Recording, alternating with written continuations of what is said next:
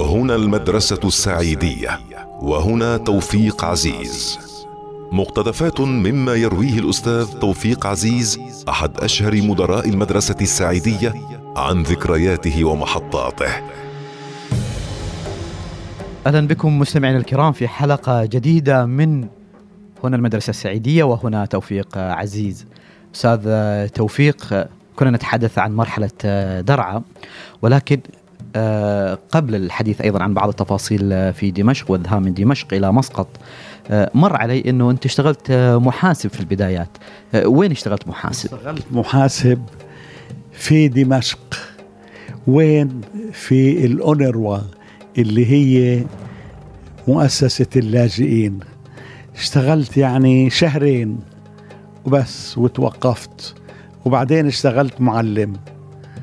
ولما آه، تواصل معك علي القاضي كان آه، الأستاذ علي القاضي آه، وين كنت بالضبط؟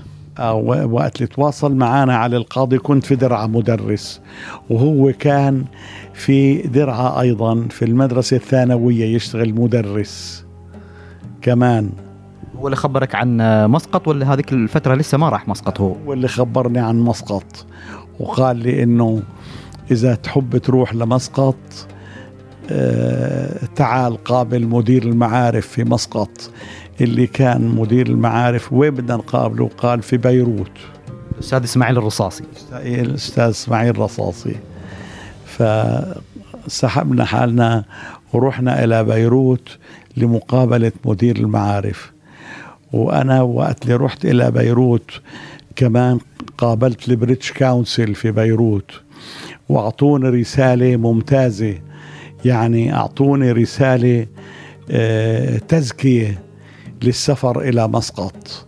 اختاروني من بين عشرات المتقدمين للعمل وكانت ال British Council هي اللي سيتم فيها المقابلات للذهاب إلى الخليج هنا إلى البحرين بصورة خاصة وإلى بعض مدن الخليج عن طريق ال British Council. يتعاقدوا معاهم ويبعثوهم إلى هاي البلاد. أنا تعرفت على إسماعيل رصاصي من خلال علي القاضي. علي القاضي هو كان مدير المدرسة السعيدية في مسقط وقال تعال قابل الأستاذ إسماعيل. فرحت لأقابل الأستاذ إسماعيل طبعا على طول قال لي وقع العقد. وقعت؟ وقعت العقد. إمتى السفر؟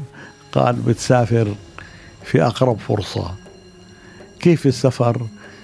قال بتسافر من هنا من دمشق أنت إلى بغداد. ومن بغداد بتنتظروا الباخرة إلى أن. لا بتروحوا من بغداد إلى البصرة. وفي البصرة بتنتظروا الباخرة لتيجي وبتركبوا الباخرة وبتيجوا إلى مسقط. طيب وهذا اللي حصل فعلا. رحنا في باصات بتنقل الركاب من دمشق إلى بغداد اسمها باصات نيرن. هاي نيرن شركة.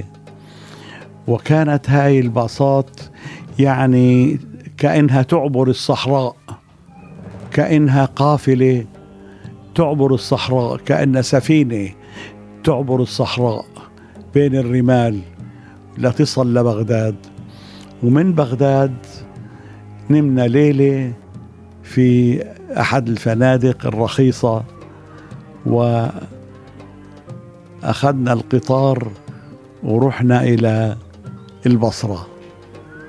في البصرة نمنا في فندق النوم كان على السطح ما في كان تكييف وغرف مكيفة والحرارة شديدة كانت في شهر ثمانية.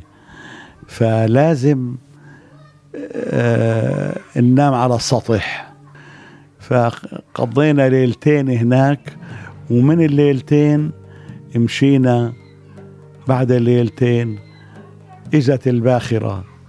ركبنا الباخرة وهاي الباخرة بتعبر الخليج كله إلى أن تصل ثمان أيام في الباخرة من البصرة إلى أن وصلنا إلى مسقط ثمان أيام.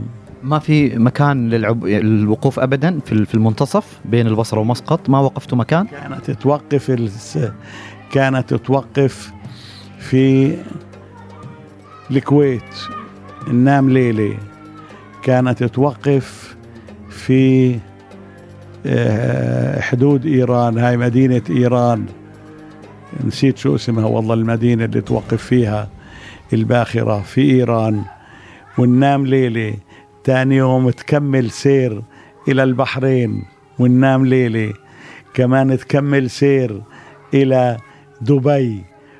وننام ليلة وبعدين ثمان ليالي بقينا نقضي وكل ليلة توقف في مكان إلى أن قربنا إلى مسقط. وشفنا الأبراج تبع مسقط وشفنا القلاع من بعيد. قبل الذهاب إلى القلاع والوصول وراح نتكلم عن الوصول.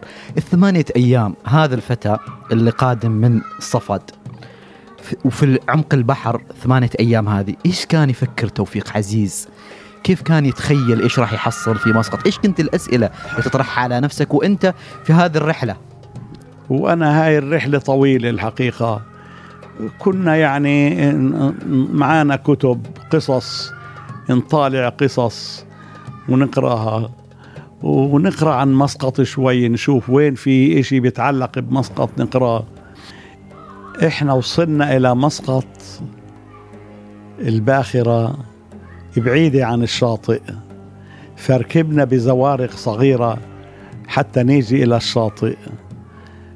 كل يعني كل خمسة ستة من الركاب ينزلوا في القارب هذا ينزلوا إلى الشاطئ. وقت نزلنا إلى الشاطئ إحنا وجدنا جموع من الناس. سألنا إيش في هنا؟ قالوا هذو أهالي المدرسة جايين يستقبلوا المدرسين. وكان هذا يعني آه، استقبال حار أشد من حرارة الجو. وانسرينا فيه كتير. والكل بده يصافحنا ويعانقنا لأنه إجوا المدرسين خلاص.